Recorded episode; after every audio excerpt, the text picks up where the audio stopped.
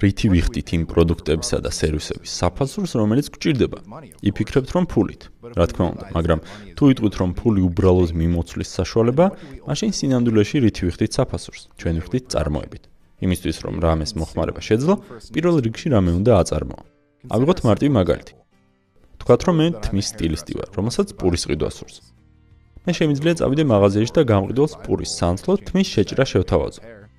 თუ გამიმართლა და გამყიდველს ჩემი მომსახურება სჭირდება, შეიძლება სანაცვლოდ პური მართლაც მივიღო. ასევე შესაძლებელია, რომ მაღაზიის მეპატრონე მელოდი აღმოჩნდეს და ჩემი სერვისი არასოდეს დასჭირდეს. სწორედ ეს არის, რაც ფულს ასე უნივერსალურ შუამავლად აქცევს. მე შემიძლია ფული გამოვიმუშაო, ჩემი მეგობარი ჯესიკას თვით თმის შეჭრით და შემდეგ ამ ფულით ვიყიდო პური.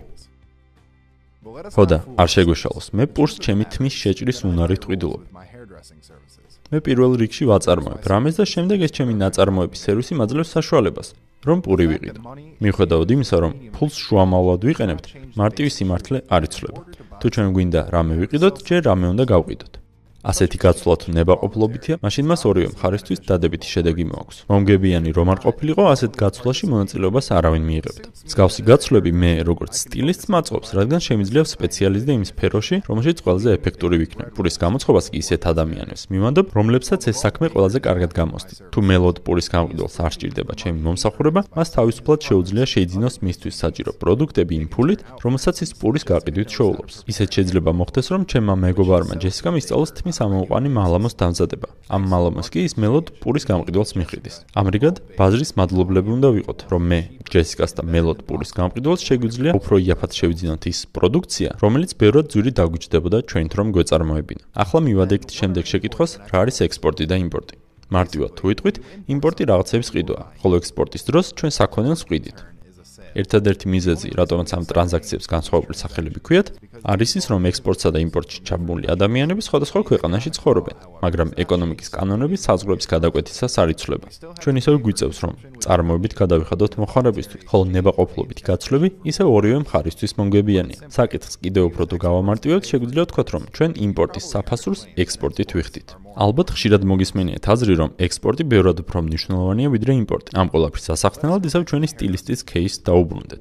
როგორ ფიქრობთ, რაზე ღელავენ ყველაზე მეტად სტილისტები? რა უფრო უნდათ მეტი კლიენტი ყავდეთ თუ მეტი პური ურჩევნი? არის კი წარმოება მათი ნამდვილი მიზანი. ნებისმიერი სტილისტი ბედნიერი იქნებოდა თუ პლაჟზე იწვება და მიმტანები უფასოდ მიართვ მიართმევენ გახოხულ პურს. ჩვენი მიზანი ხო მაქსიმალურად მეტის მოხმარება და არა მეტის წარმოება. ჩვენ მეტის წარმოება მხოლოდ იმისთვის ჭირდება, რომ მეტის მოხმარება შევძლოთ. ასევე იმპორტისა და ექსპორტის შემთხვევაშიც. ჩვენ გვჭირდება იმპორტი, რადგან იმპორტი საზღვარგარეთიდან კარგი რამეების შემოტანას ნიშნავს. ექსპორტი კი ის აუცილებელი ბოროტება, რომელიც ჩვენ საშუალებას გვაძლევს, რომ იმპორტირებულ საქონლისთვის გადავიხადოთ. თუ ჩვენ შეგვეძლებოდა, რომ სულ იმპორტი გვეწარმოებინა ექსპორტის გარეშე, ეს იქნებოდა საუკეთესო ჩვენი ქვეყნისთვის. სამწუხაროდ, ეს შეუძლებელია. ამ ყველაფრის გაგების შემდეგ ჩვენ უკვე შეგვიძლია ვისაუბროთ პროტექციონიზმზე. ყველამ ვიცით, რომ სანქციები ამა თუ იმ ქვეყნისთვის ზიანის მისაყენებლად გამოიყენება. მიუხედავად ამისა, საკმაოდ ბევრ ადამიანს განსხვავებული მიზეზების გამო სჯერა, რომ სავაჭრო ტარიფები, რომლებიც შინაარსით საკუთარ ქვეყნისთვის დაწესებული სანქცია, სასარგებლოა. ჩვენ მოახდენთ სტიმულირებას ეროვნული პროდუქტის მოთხოვნაზე და დავიცავთ ადგილობრივ მწარმოებლებს, გეტყვიან ისინი. არის კი ეს სწორი მსჯელობა. ამ კითხვაზე პასუხის გასაცემად წარმოვიდგინოთ, რომ არსებობს ორი ქვეყანა და მათ შორის არ არის არანაირი კავშირი. ერთი ჭრდილოეთით თვევროს, მეორე სამხრეთით. ჭრდილოელები ხის მასალის უბადლო მწარმოებლები არიან, მაგრამ მათ პორტოხალიც ძალიან უყვართ. პორტოხალის სამსიყვარულის გამო რამდენიმე ჭრდილოელმა მოქალაქემ გადაწყვიტა, რომ დიდი ხარჯი გაეღო და სათბურები აეშენებინა. ჭრდილოელებისგან განსხვავებით, სამხრეთში პორტოხალის უდიდესი მარაგი აქვს და პორტოხალის ხეები ყოველგვარი დამატებითი ძალისხმევის გარეშე იზრდება.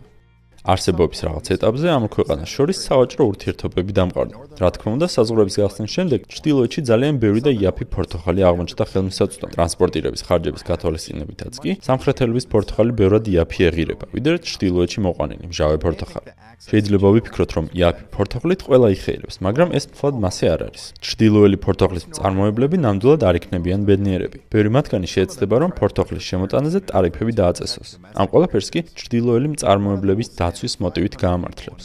იმასაც იტყვიან, რომ მათ ქარხნებში დასაქმებული 500 ადამიანი სამსახურს დაკარგავს. სხვები კი იმ არგუმენტს ჩაეჭიდებიან, რომ სამხრეთელებთან კონკურენცია უსამართლოა, რადგან სამხრეთში მზე მეტად აცხუნებს და პორტოხლის მოსაყვანად უკეთესი პირობებია. თუ ჭრდილოელი პორტოხლის მწარმოებლები თავისას გაიტანენ და ტარიფებს დააწესებენ, ისინი მართლაც მოგებულები დარჩებიან, მაგრამ ჭრდილოეთის მთელ დანარჩენ მოსახლეობას მოუწევს უფრო ძვირი გადაიხადოს პორტოხალში. ტარიფების დაწესება კი ნიშნავს, რომ მთელი ჭრდილოეთის მოსახლეობა დაასუბსიდირებს არაეფექტურ მწარმოებლებს, მხოლოდ იმიტომ, რომ ისინი ჭრდილოელები არიან. უფრო მეტიც, შრომის უნარიანი ძალა, ანუ პორტოხლის წარმოებაში დასაქმებული ადამიანები არიან დაკავებული ისეთი საქმიანობით, რომელიც არაეფექტურია და ანელებს ან კლავს ისეთი სერვისების განვითარებას, რომელიც შეიძლება ბევრად ეფექტური იყოს ჭრდილოეთში, ვიდრე სამხრეთში. უფრო მარტივად რომ ვთქვათ, შეზღუდული რესურსები იხარჯება არაპროდუქტიულ წარმოებაში. პორტოღლის წარმოებაში დასაქმებულ ადამიანებს კი შეუძლიათ ორივე ქვეყანა მოამარაგონ მეტად საჭირო სხვა პროდუქტებით. ადამიანების, ქალაქების ან ქვეყნებისთვის უდიდეს შეღავათი იქნება თუ ისინი ზედმეტ ფულს და ენერგიას არ დახარჯავენ იმის წარმოებაში, რისი ყიდვაც ბევრად უფრო იაფად შეუძლიათ. ისიც მართალია, რომ ტარიფების არ დაწესების შემთხვევაში არაპროდუქტიული მეწარმეები გასაჭირში აღმოჩნდებოდნენ და მათ ბიზნესის დახურვა ან რეორგანიზება მოუწევდათ. თუმცა მათ შეიძლება იგივე დაემართოთ სხვა შემთხვევებშიც. ნებისმიერ დროს შეიძლება იმავე ბაზარზე გამოჩნდეს უკეთესი მწარმოებელი და იმის გამო რომ მას უფრო ახალი ტექნოლოგიით უფრო ეფექტურად შეუძლია პორტაფლის წარმოება, ბაზრიდან გააძევოს შედარებით არაეფექტური მწარმოებელი. რომელი მეწარმისთვის აქვს მნიშვნელობას სადაური კონკურენტი ჩაძიროს? არც ერთისთვის. არც მომხმარებლები ღელავენ ამაზე. მომხმარებელს მხოლოდ ის უნდა რომ რაც შეიძლება მაღალი ხარისხის პროდუქტი მიიღოს, რაც შეიძლება დაბალ ფასად. ჯანსაღი კონკურენციით გაიზრდება ცხოვრების დონეც, რადგან მომხმარებლებს დაზოგილი ფულით შეძლებათ რამე ახალი პროდუქტების ყიდვაც. ახალი მოთხოვნილებების გაჩენა კი თავის მხრივ შანსს აძლევს იმ წარმოებელს, რომელმაც თავის დროზე კონკურენციას ვერ გაუძლო. სხვა სიტყვებით, საქონლის იმპორტირებამ შეიძლება გააქროს ერთი ბიზნესი, მაგრამ ის აუცილებლად გააჩენს ბიზნესის შესაძლებლობას სხვაგან. თავისუფალი ვაჭრობა ზრდის ორივე მხარის სიმდიდრეს. აშკარაა, რომ საქონლის გაცვლა სასარგებლოა ორივე მხარისთვის, მაგრამ ჩვენ უნდა შევეგუოთ იმ ფაქტს, რომ ზოგიერთმა გარიგებამ შესძლო უარყოფითი შედეგიც გამოიღოს გარკვეული ინდივიდებისთვის. მაგრამ ტარიფების და შეზღუდვების დაწესება ყველას შეუქმნის ეკონომიკურ პრობლემებს. მეორე მხრივ კი, საერთაშორისო გაცვლებში მონაწილეობის მიღება ყოველთვის აუმჯობესებს ჩვენი ცხოვრების დონეს. მიუხედავად ამდენი საუბრისა, მაინც რჩება ერთი შეკითხვა. შეგვიძლია კი ჩვენ გავხადოთ საკუთარი წარმოება სხვა ქვეყნებზე უკეთესი? რაღაც გაგებით შეგვიძლია. როგორც იაკობ ტუსკიევიჩი წერს თავის ირონიულ სათაურიან სტატიაში, ჩვენი მტერი იმპორტი, გარემოებები, რომლებიც უფრო სასარგებლოს ხდიან საქონლის წარმოებას ერთ ადგილზე მეორის ნაცვლად, შეგვიძლია დავყოთ ორ ჯგუფად: ბუნებრივად და ხელოვნურ გარემოებებად. ძალიან ძნელია გავლენა მოახდინო ბუნებრივ გარემოებებზე და გააუმჯობესო ისინი, რადგან ეს ფაქტორები ძირითადად დაიყვანება ისეთ რამეებზე, როგორებიცაა რესურსების ხელმისაწვდომობა, გეოგრაფიული მდებარეობა და საწარმოო ტრადიციები. მეორე მხრივ კი ძალიან მარტივია ხელოვნურმა გარემოებებმა შეანელონ წარმოების პროდუქტიულობა.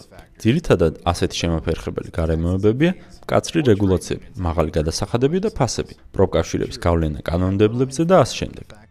ჩვენ მართლა ძალიან ცოტა რამ შეგვიძლია გავაკეთოთ მაშინ თუ ჩვენს ქვეყანას არ აქვს ნავთობი და ჩვენ უბრალოდ ვერ გავხდებით ნავთობ მაგნატები. მაგრამ თავრობის მხრიდან სულ მცირე გამოვლენილი სიკეთეც კი რაც ბაზრის საქმიანობაში არ ჩარევს გულისხმობს, იქნება შემოფერხებელი გარემოებების აღმოფხვრა. რა თქმა უნდა, ვერაფერი შეცვლის იმ გარემოებას, რომ ჩვენ ისევ შეზღუდული რესურსები გვექნება. მაგრამ ნაკლები რეგულაციების წყალობით ჩვენი წარმოება გახდება უფრო ეფექტური. ასე რომ, საერთაშორისო ბაზარზე წარმატების მოპოვების რეცეპტი არის ნაკლები რეგულაცია და არა პირიქით. ბიზნესის საწარმოებლად უკეთესი შესაძლებლობების ქონა იძლევა საშუალებას, რომ ადგილობრივმა ბიზნესმა უკეთესი კონკურენცია გაუწიოს უცხოურს იმ სეგმენტებში, რომელშიც შესაძლებელია. You will find the links in the video description.